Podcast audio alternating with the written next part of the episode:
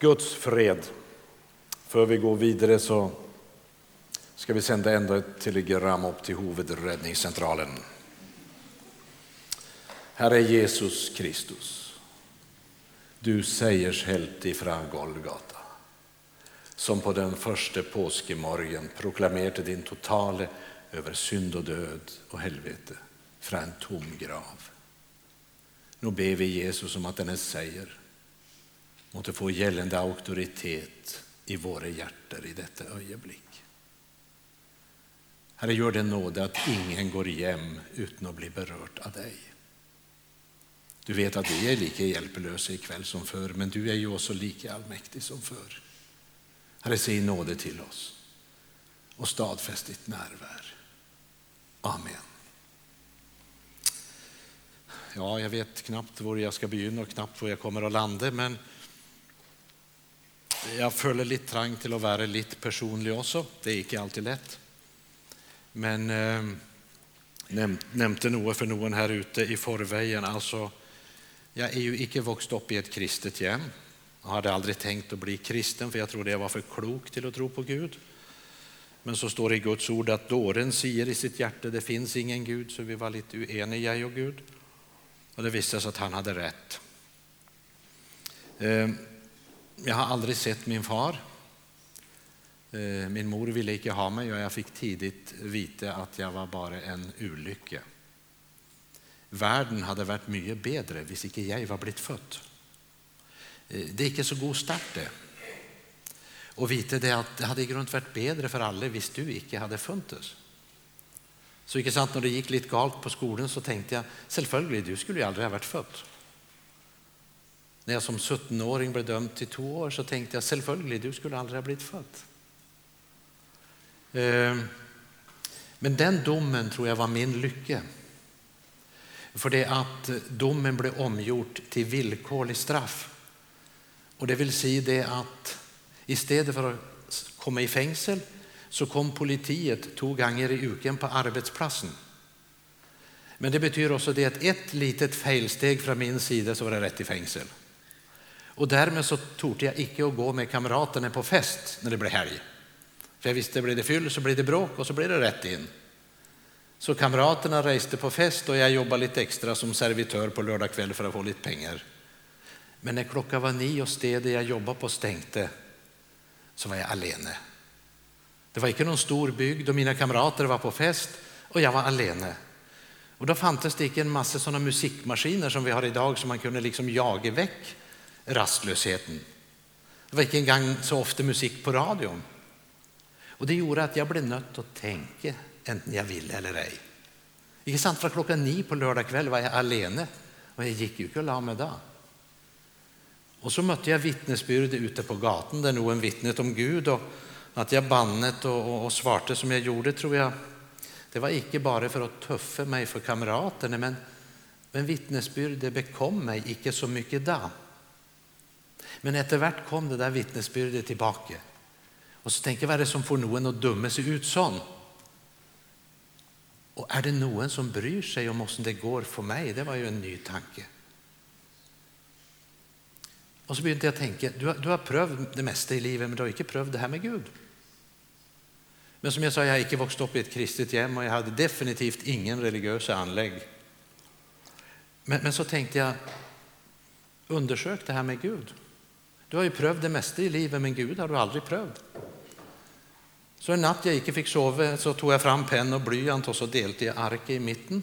Och så skrev jag plus och minus, allt som talte för att jag kunde bli en kristen, det skulle skrivas på plussida och allt som talte emot på minussida. Och akkurat då så flyttade en ny präst in i bygden och jag hade hört att prästen hade något med det där med Gud att göra. Eh, så jag tänkte, då är det ju inte långt till han jag ska spöra visst jag har spörsmål. Så jag skrev prästen ner på, på plussidan. Eh, men så visste jag ju att eh, om någon kom och bjöd mig på en whisky så kunde jag inte tacka nej. För två år tidigare hade jag mött en jente som jag syntes var väldigt käck. Men hon likte ju inte gutter som gick på alla fyra på helgen så, så då skulle jag kutta ut det där med dricking. Och någon gång var det i flera dagar.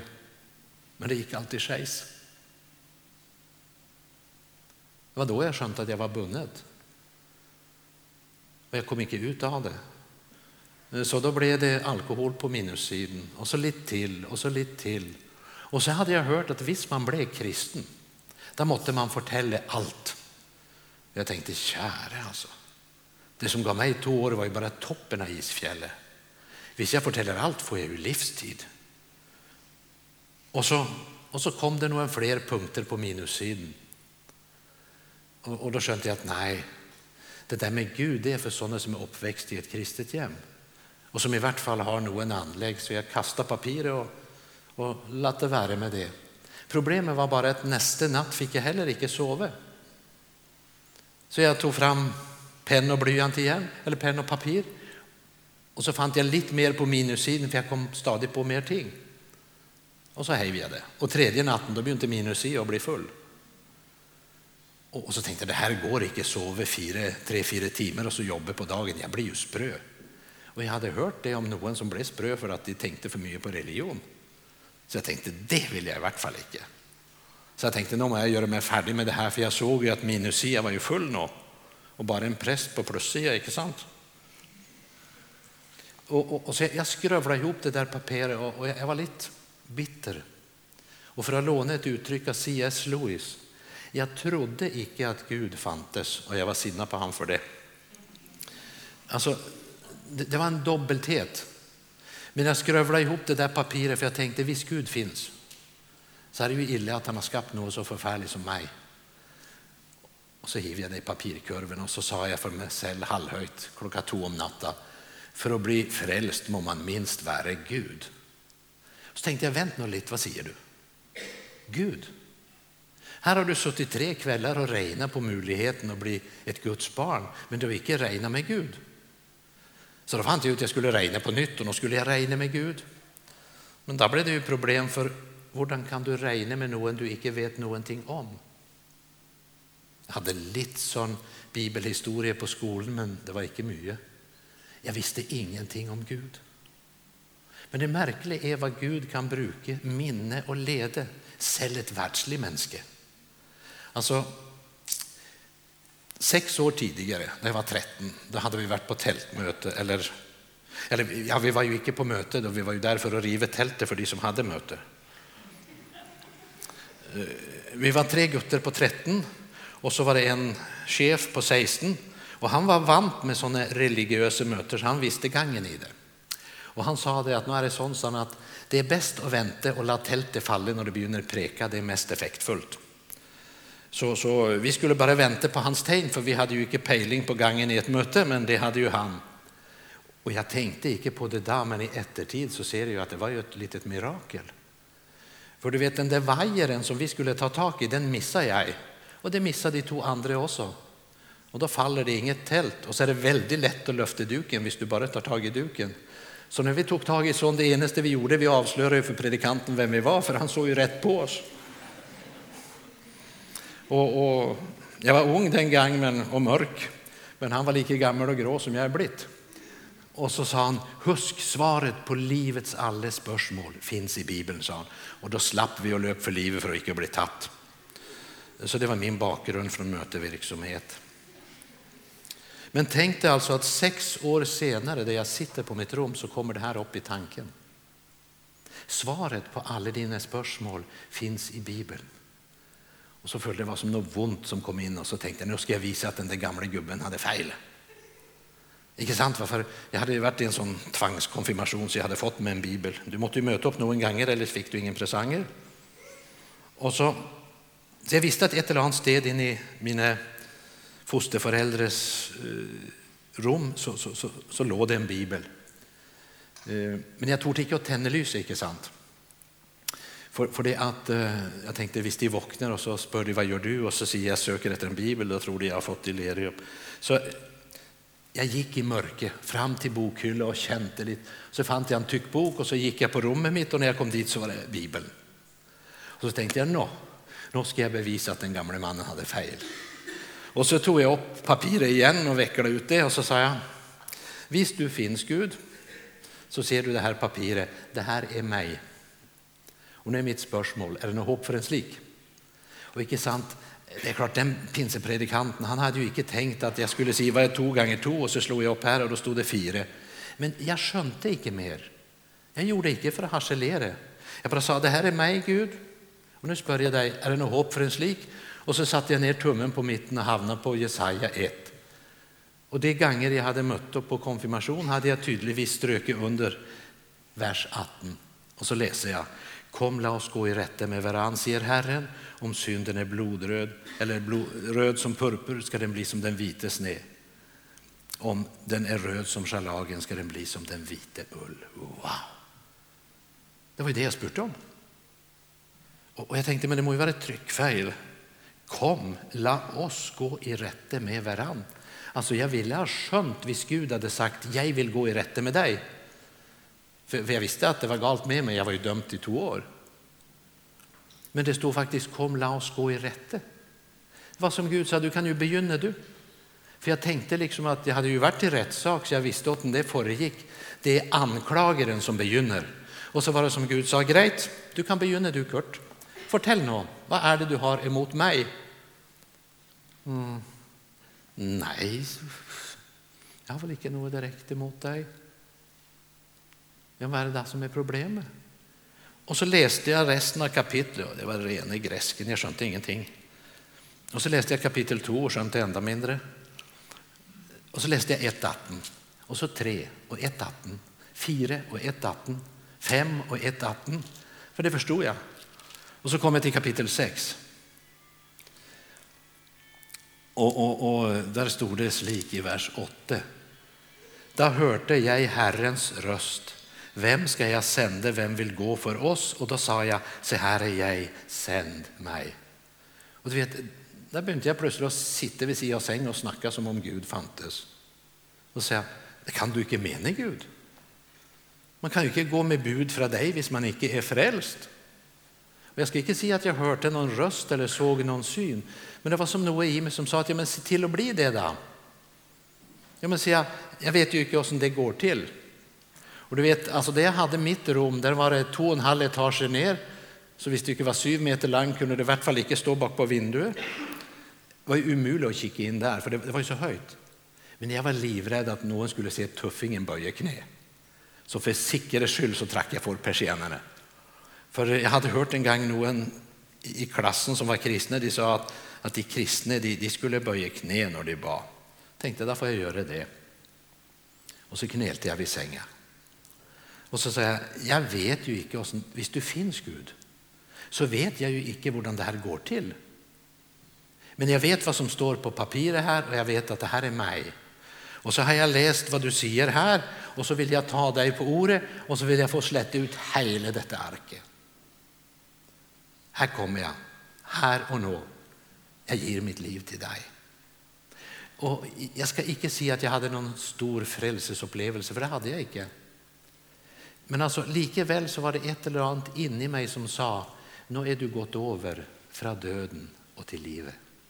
Och, och jag kände faktiskt en, en viss fred och den varade nästan fem minuter. Då, då kom det andra. Alltså, jag bör kanske nämna det. Jag, jag reste på den tiden på fritiden på kvällar och helger. Så reste jag runt i Sveriges danspalats och underhållt i pausen på danserna. Eh, klockan 11 till halv 12 så hade dansorkestern en break för att dricka kaffe och ha lite vafflor. Och då var det ett stopp i dansen och då hade det gärna någon som uppträdde och imiterade politiker och sånt när jag drev med det. Och så hade jag ju kontrakt med artistförmedlingen. Och det betydde ju det att visst jag fick 1500 kronor för en uppträdning en kväll och det var nog så mycket på 60-talet Och visst jag då inte kom, då måste jag betala det dubbla, alltså 3000 för kontraktsbrott. Och så tänkte jag, wow, jag har ju inte råd. Och du vet, själefienden, han är en lögner och det må du alltid huska. Han är en lögner och han är lögnens far. Förr sa han alltid till mig, Kurt, evangeliet och Kristus, det är ingenting för ett ungt människa. Det är ingen modern människa som tror på Gud. Det är ingenting för dig, håll det undan alltså. Ja. Men nu skönte han att jag ville tillhöra Gud. Så det nyttar inte att komma och säga till mig att detta inte var bra. Nu snudde han på och sa, väldigt bra, klart du ska bli frälst Kurt, sa han. Men icke nå. Du må vänta ett år tills du är färdig med kontrakten. Du har ju inte råd att betala. Nej, sen nu är det gjort. Jag vet ju inte en gång om det här är riktigt, men om du finns Gud, då må du hjälpa mig imorgon med artistförmedlingen. Och dagen efter så ringde jag till artistförmedlingen när vi hade kaffepaus i bageriet. Och, och eh, till deras försvar må jag säga, för han blev så sinnad när jag sa att jag skulle sluta.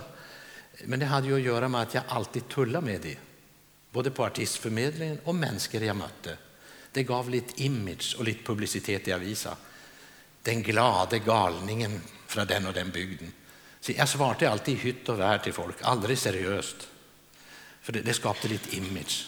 Inte sant? Du, du sa kanske något helt vettigt till mig och då säger jag ja, ja, men det är ju längre till Stockholm än på cykel. Och så sa du något annat klokt och helt förnuftigt och så sa jag ja, det är ju sant, men å andra sidan så är det ju inget uttag för fotboll på fiskestangen. Inte sant? Sån hållt jag på. Och det var min image. Den glade gutten. Fast hjärtat var när vi och briste. Men det var det ingen som visste. Så du vet att när jag sa att jag skulle sluta, han blev sinna och sa jag har inte tid, jag är upptatt och jag, jag har mycket att göra. Så nu må du vara, kan du inte vara ordentlig en eneste gång? Men jag är så ordentlig jag kan och jag vill sluta. Nej, men så, du kan inte det för nu blir det pengar. Gunnar Wiklund vill ha dig till att leda hans show. Nu blir det pengar Westman. Hjälper inte säga jag ska sluta. Varför ska du det då, sa han. För jag är blivit frälst, sa jag. Och så tänkte jag, är det?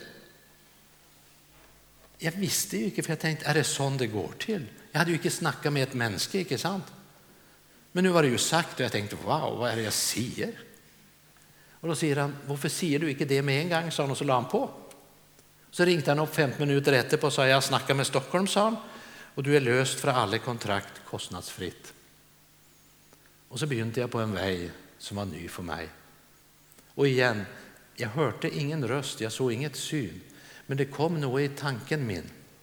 För jag sa, okej okay, Gud, vad gör vi nu? Nu är jag löst för alla kontrakt. Och tränger du mig? Och så kom det en tanke, jag hade ju ingen bakgrund för, för att veta något som helst. Men det kom en tanke, dra till Robertsfors, det var 35 kilometer, 30 kilometer runda. Där finns det ett frälsesarmékorps. Och där finns ingen ungdom, bara någon gamla människor och de tränger hjälp. Där kan du trängas. Men jag hade ju ingenting att gå på och visste ju inte om det här var mina egna tankar. Men, det slapp inte, så efter tre dagar så fick jag en kamrat till att köra mig till Robertsfors och så gick jag och bankade på på Frälsningsarmén och det var ett möte akkurat slut och jag mötte en dam i uniform och så sa jag, ursäkta, så men som blir man med i Frälsningsarmén. Hon kikade på mig och så sa hon, ja det är mitt första spörsmål, är du född på ny? Är du frälst? Jag vet inte, sa jag. Tränger du någon att snacka med? Ja, det gör jag. Och jag måste säga, jag fick otrolig hjälp på det lilla Frälsningsarmékorpset. Alltså. Bibelupplärning, discipelträning, pris ske Gud. Det blev begynnelsen på Noe. Och så tänkte jag, det, det var ju som sagt ingenting väldigt tydligt. Men det var ett litet hint och jag följde det. Och det visste sig att det var Gud. För då säger hon det att ja, du, jag vet inte om du har lust att gå med här, sa hon, för att på det här korpset så är jag den yngste och det säger ju en del, sa hon. Ja, men så då stämmer det. För Gud sa att här var det bara några gamla människor som trängde hjälp. Ja. Så ni må inte rätta på blev jag inviad till soldat. Alltså, visst Gud minner dig om Noe. Men så har det hänt ibland att jag har fått för mig ting. Jag trodde det var Gud. Men det bommar fullständigt och då behöver man ju inte vara i tvil, då är det ens egna tankar. Och, och, och alltså, i Salme 23 så står det något som vi ska ta med. Han lar mig ligga i gröna ängar. Han leder mig till vilens vann. Han leder mig. Du som är ett Guds barn, tror du det? Tror du att Gud leder dig? Och är det så stille någon gånger att han får chans att leda dig? För du skönner, denna röst är icke höjröstet. Den drucknar fort i denna världens land. Bara sörj för att alltid ha musik på öret så, så kan du undgå den här rösten väldigt effektivt. För den är så stille. Men alltså, han leder mig till vilens vann. Men när han gör det så är det min jobb att vandra till den vilens vann. Han leder mig, men mitt ansvar är att gå och mitt ansvar är att dricka. Vi må aldrig ta bort ansvaret vi har själv om vi är frälst. I Jesaja 22.1 står det utsagn om synernes dal. Vad är på färde hos dig sedan allt ditt folk har gått upp på taken? Alltså, synernes dal, det var Jerusalem som blev kallt det. det. Det är lite märkligt, för en dal är ju instängt, inte sant? Jerusalem ligger höjt uppe. Men ändå är det en dal när Gud talar i det här bilden. Och vad vill det säga? Jo, själv om du lever mitt i Jerusalem, huvudstaden, där det är liv och leven hela tiden, så går det an att finna dalen hvor det är stille. Hvor det är stängt både till vänster och höger och bara öppet uppåt. Gå in i templet, stäng dig inne en stund, stäng ute storbyen. Lytt till Gud i synernas dal. Varför håller du till på taken? Ja, på taket där håller de till de som är nyfikna och nysgjerriga. Hela tiden ska de spejda vad är det som sker för att få det med sig. Men alltså, du ska veta det att vilens vann, det är det motsatta av taken. Och, och, sök Guds ledelse, spör om Guds ledelse, regn med Guds ledelse. Men bli icke mer upptatt av ledelsen än av Gud. Det är Gud det handlar om. Det är Gud som är centrum. Det är den nära omgängelsen med han och lära han bedre och bedre och känner. Jag ska ta ett exempel som är många år gammalt. Jag fick kall till att tala på en missionskonferens för ungdom i Köpenhamn. Och eh, jag hade beställt flygbiljett. Och så cirka en uke före jag skulle resa så, så ringer de från SAS och så säger de, för det var en eller annan fly som var sprängt någonstans i Europa, eller det var ett eller annat på gång som gjorde att många avbestilte flygbiljetter fast det var kämpelangt undan. Och så sa de, ja, goddag, det var från SAS och vi, vi, vi, förstår om du kanske vill avboka biljetten din till Köpenhamn. Nej, så det vill jag inte. Eh, ja, men du, du, vet att det var sprängt ett flyg där och där. Ja, men så det är långt undan. Jag vill till Köpenhamn. Ja, då hade de ett problem. Alla andra hade avbeställt. Vilket sant, det kan ju inte köra ett flyg bara för mig. Det skönjer jag ju. Men jag sa det är grejt. Men du skönjer, visst jag hade avbeställt så hade de kunnat behålla en del av det jag betalt in. Men då siden, de kansellerte, måtte de betala tillbaka alltihop och det var ju grejt. Men då måtte jag reise faktiskt ett och ett halvt dygn för. Ta nattfärja över från Kristiansand och till Hirtshals, tåg via Gjøring till Köpenhamn. Så, så, eh, så när jag kom ut där på, jag var lite sur för det för jag var mycket väck från familjen. Och så tänkte jag, käre Gud, kunde du inte ordna så att flyget hade gått i vart fall? Och jag, jag var lite sån, men så tänkte jag, så dum du är. Så tänkte jag på alla människor jag har mött som lider och offrar mycket för Jesus. Jag var mätt, det var fred i landet, det var en great skip att resa med. Och jag klagar som det skulle vara världens undergång för att det gick lite utenom tegningen. Jag sa, nu må du tillge mig Herre, jag är ju frälst. Och det är ganska fantastiskt alltså att och jag, tåget kommer ju fram i tid. Och, så jag började sitta där på en bänk och prisa Gud och så kom det en sån här turist med ryggsäck och så spurte han vad klockan var. Och så sa han, vad är det med dig? sa han, du ser så lycklig ut. Ja, du känner, säger jag har all grund till det. Och jag säger, vet du, jag har fått alla mina synder tillgitt. Och du aner inte den sam jag vet inte var land han var för han snackade engelska. Du anar inte den samtalen vi fick på den bänken. Och så tänkte jag, om jag hade fortsatt med min sure mine så hade jag aldrig fått möta honom. Och sen var jag lite sur för det var dålig korrespondens för det att tåget som kom till Görring det var lite senare än avgången till Köpenhamn så jag måste vänta på nästa tåg.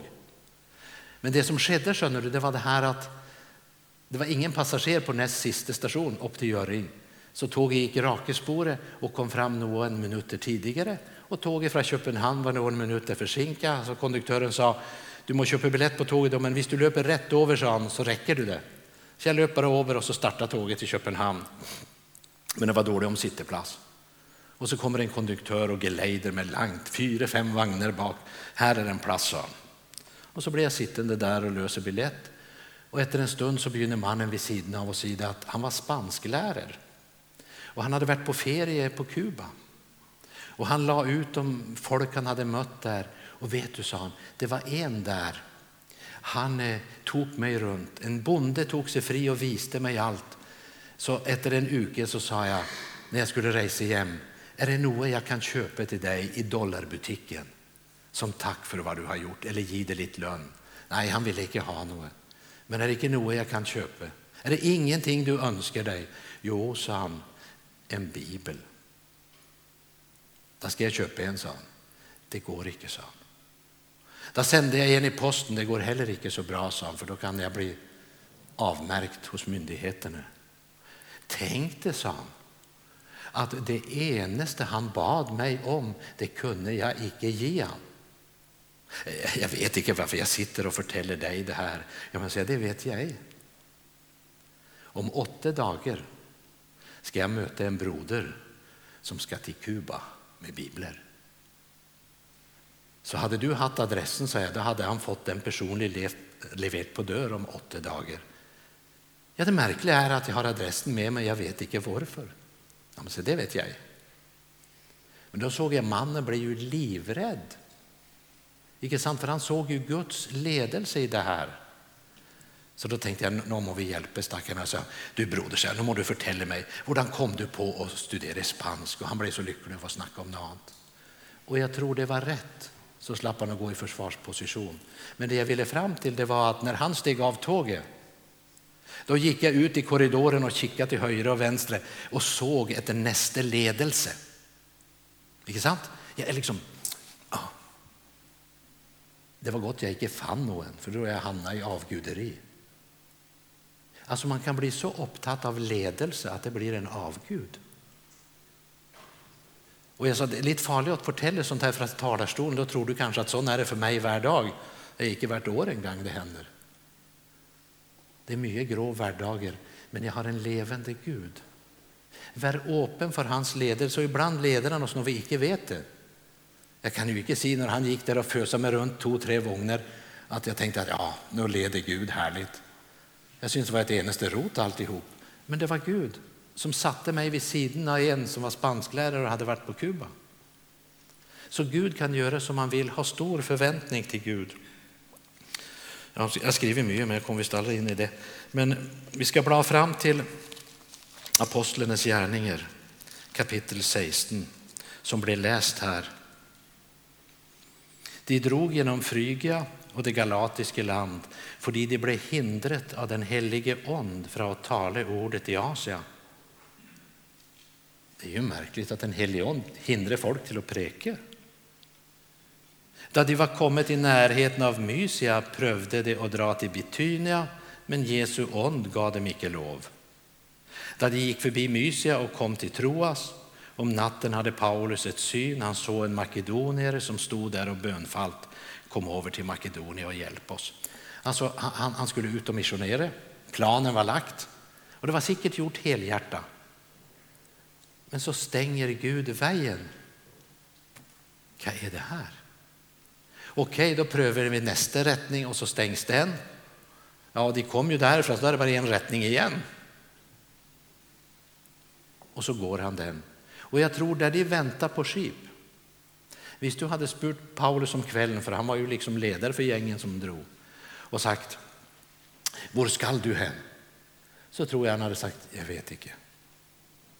Vet du inte? Nej. Ja, men säger du, du är ledare för det här teamet som ska ut och evangelisera. Och så vet du inte, nej.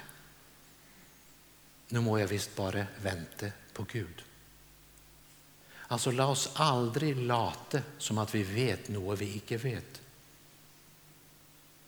Det är inte farligt att säga att nu har jag gått kong, nu vet jag inte längre. Jag trodde jag var kallt till Gud, men här stoppar det liksom upp, jag vet inte.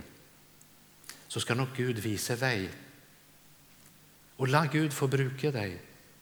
Och, och, och husker inte något annat från ikväll så husk det här. Icke be om en uppgave som är lätt nog till din kapacitet och kraft. Men be om kraft och utrustning till den uppgave Gud har tänkt att ge dig. Alltså, det är ingen gräns för vad Gud kan göra i ett mänskligt liv liksom, han får komma till. Läs då du kommer hem det här från Apostlenes gärningar och spör lite. När prövar Gud att stoppa vägen för mig? Och, och var inte så rädd för att göra fel att du inte gör något. För vis, Gud kan stänga vägar. Icke sitt på en stol och vänt på någon kämpestor uppenbaring. En ting är säker. Alltså, det finns ju en massa land som slutar på stan. Tadzjikistan, Kirgizistan, Kazakstan. En massa stanland. Jag ska inte säga vilket land det gäller. Men det är inte länge sedan jag satt med en man och en familj. Och när jag hör vad de har varit igenom. Och alltså, för två, tre år sedan fick de tillbud att komma ut till Tyskland och lämna allt elände, men de tackade nej. För två och ett halvt år sedan fick de tillbud om att komma till Amerika, men tackade nej. Någon månad senare fick de tillbud igen och tackade nej, för de sa vi må ge vårt land evangeliet. Och så blev han kastad i fängsel och fick mycket juling. Han hade två förfärliga år, men han överlevde. Och så fick svenska myndigheter grejer på det här och svenska myndigheter samman med FN fick utvirket att han blev löslatt efter två år. Och då kunde han välja och enten flykta till Sverige eller bli tillbakasänd till det land han kom ifrån, för han var dömd i ett annat land och skulle utleveras till ett naboland. Men han visste, om jag lär mig utlevera blir det dödsstraff eller 25 år i fängelse. Så han sa, då valde vi Sverige. Och så började han gråta. Och så sa han, vem ska nå förtälla folket i mitt hemland att det bara finns en väg till frälse? Vem ska förtälla dem att det bara är Jesus? Du ska ha sett den familjen. Jag blev skamfull. Jag klagar så fort det går lite emot. Här sitter någon som har fått hela sitt liv krossat och så är de kommit till Sverige och så sa han, men du vet Gud har ju full kontroll, jag följer det som kaos. Vill du be för mig att jag får inse att Gud vet vad han gör? Jag skönner inte varför jag ska hit. Men kanske jag är sänd hit för att väcka dere upp så icke troen blir självföljelig. Och lite efterpå var jag samman med en annan från ett annat land. Och så tänkte jag, vad är det som gör att dessa folk brinner på den här måten? Vad är det som gör att inget offer är för stort? Jag menar, ja, det skedde nog med mig i möte med de här två familjerna. Och så tänkte jag på det här, Jesus säger, jag är vinträet och det är grenarna. Och det talade Gud till mig en gång när jag hade varit pastor i tre år så jobbade jag väldigt mycket. Jag var uppe i Nordsverige. Och liksom, jag ville ju tjäna Gud, det, det var ju det som var poänget, trodde jag. Men icke sant för att säga det enkelt, jag jobbat mer och mer för en Gud jag kände mindre och mindre. Vi hade ju inte tid till Gud. Det var ju vår menighet, det var ju vårt missionsarbete, det var ju våra aktiviteter, det var ju vårt, vårt, vårt och det var välment. Så drömmer jag natt och så vaknar jag och så är det som Gud säger. Mig föruten kan du ingenting göra. Och jag min enfaldige typ. Jag trodde att jag var enig så jag sa yes, sa jag. Amen, sa jag. Och då säger Gud, jo, men varför är du då så ivrig och upptatt med att göra ingenting? Och så satte Gud en käpp i hjulet och stoppade mig. Och det har han gjort flera gånger. Visst, jag hade varit Gud hade jag fått sparken för, för, för 30 år sedan. Alltså det, det har varit felsteg undervägs. Det har varit svikt, det har varit fall. Och ändå står jag här ikväll och säger att jag vill gärna säga jag tillhör Jesus. Jag tillhör det fällskap som kallas för de helige. Hur kan jag säga det? Jo, för jag är ett av de människor som är blivit upprejst en gång mer än de har fallit. Jag har gett Gud rätt. Och det är inte måte på vad Gud kan göra i ett liv och starta på nytt. Jag vill säga det, hur djupt du har fallit, vad du har på samvittigheten, låt inte det hindra dig i att vara med och tjäna Gud. Men be om ledelse. Men alltså, du må avsätta tid och läsa. Eller blir det fort svärmeri alltså. Allt må prövas på Guds ord. Läs och läs och gärna samman med någon annan så det snackar samman. För Gud vill så gärna vi ska vara med. Och visst vi är med och är aktiva. Jag tänkte på det, alltså, när någon ska beskriva kärlighet så säger de, ja kärlighet är icke det och så är det icke det och så är det icke det. Ja men fint. Eh, du kan förtälla mig vad kärlighet icke är, kan du förtälla mig vad kärlighet är? Eller jag säger, vad är det att vara en kristen? Ja, en kristen han ska icke det och så ska han icke det och så ska han icke det och det ska han säkert icke. Men jag sa, kan du icke förtälla mig vad han skall? Och inte bara beskriva det vi håller på med med det man icke skall. Icke sant? Jag vet att det är en massa ting en kristen icke bör. Men, men låt mig säga det så här, blir du skickligt upptatt med det du skall, ska du se att du kommer inte att räcka det där du icke skall får rätt och slett inte tid till det. Så jag inviterar dig att delta i kampen. Om det här har varit mycket till hjälp eller villrede, det vet jag inte. Jag vet bara att jag kunde inte sätta mig ner och snickra ihop något som hördes bra ut. För det blir falskt. Jag kunde bara vittna om vad jag själv har erfarit med Gud och så dela det han har lagt mig på hjärtat. Och så får jag hoppas att Gud leder dig till andra människor som kan hjälpa dig mer eller genom sitt ord kan visa dig för alltså det är spännande att vara ledigt av Gud. Hvis vi lever med ett ben i världen och ett ben hos Gud så blir det så fattigt. Det, det blir som att äntligen fått ström till huset och så klipper den ena ledningen för att få halv strömröjning. Det blir inte halv strömregning, det blir mörkt. Så, så vær med i kampen. Vær med. Altså, jag var bibelsmugglare i åtte år. Jag har aldrig varit stark, aldrig modig och aldrig smart bara villig. Och det är nog för Gud. Så hvis Gud kallar det till ett eller annat, be om utrustning till det han kallar det till och så ska du delta i kampen. Du vet hvordan det är med en fotbollskamp, inte sant? En sån där liten grön rektangel där 22 amatörer kämpar för livet. Runt omkring sitter 5000 professionella som kan allt som är bättre. Och de ser alla fel som blir gjort på banan för du har ljuslig god tid till det. Men kom och delta i kampen så ser du icke alla fel de andra gör. För du har inte tid till det. Jag inviterar dig till världshistoriens mest fantastiska lag. Men det blir ingen ära i denna världen. Det blir ingen jordiska triumfer. För vi är ett lite märkligt lag alltså. Motståndarlaget de har lika drakter allesammans. De är vältränta och flotta. Och publikum synger när motståndarna tåger in. De är stjärnor alltså. Och så kommer mitt lag. Och ingen har likdrakt. Och så har vi alla i vårt lag ett litet handikapp. Vi har ett ben amputerat. Och så hinkar vi in på banan på ett ben och synger Främmad Kristi härmen, främ till helig strid. Föran oss går Jesus som i fordomstid. Och så säger en på tribunen, är du med i det laget? Ja, säger jag, det är jag. Men hur i all världen kan du då synge? Visst du är med på det laget? Ja, men det är vi som är på det här laget som kan synge. Hur då? Ja, du skönner, det förhåller sig så här att jag känner domaren och vet hur den här kampen slutar. Nämligen. Ikke vær rädd for litt vanære underveis. Og la oss ikke stjele ære fra han som æren tillkommer. Gud är en god Gud att tjene, det vill jag gärna se. Og jag vill avsluta med det att jag, jeg var, det är en del år siden så var jag på en bibelcamping. Och det var i Norge, men så, så hörde jag en svensk röst som sa, icke är det väl Kurt Westman som står där borta, sa han.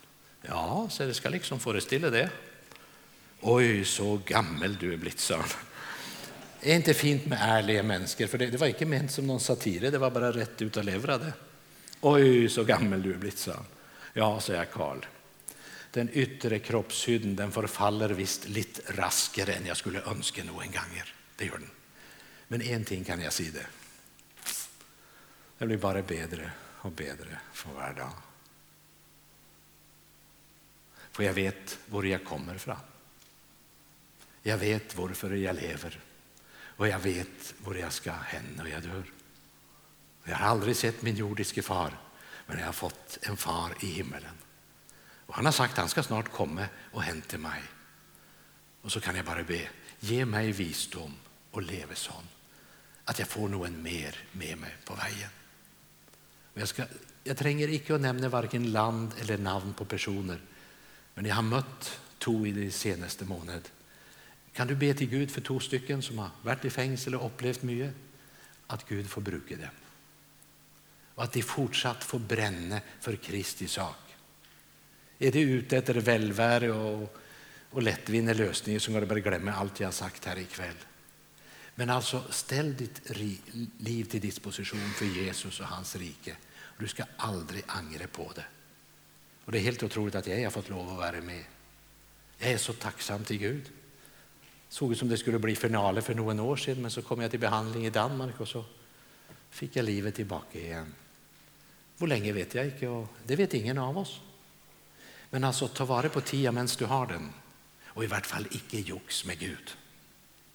För du skönner, alltså, visst du lever ett dubbelliv och en typ då du är på möte och något annat när du kommer för dig själv. Så kommer djävulen och så säger haha, de skulle bara vita de andra. Och så inbillar han dig att du bedrar de andra. Men det är inte sant. Det är dig själv du bedrar, för det är du som får regningen till slut. Jag är frälst och jag har haft ett nytt uppgör med Gud idag. Jag har också idag fått bekänna min synd och min brist. Och så har jag sagt, fyll mig med din heligond och led mig där jag går bedande fram. Och jag är lite tröglärd, men du vet oss du ska leda. Be Gud leda dig och be att du får ett hjärta som är villigt att ta vara på den ledelsen, vad än den innebär. Jag har hållit på för länge allerede så jag kan ta två minuter till. Jag får ju inte komma igen oavsett, inte sant? Alltså, be, Gud leda. Och, och, han gör det.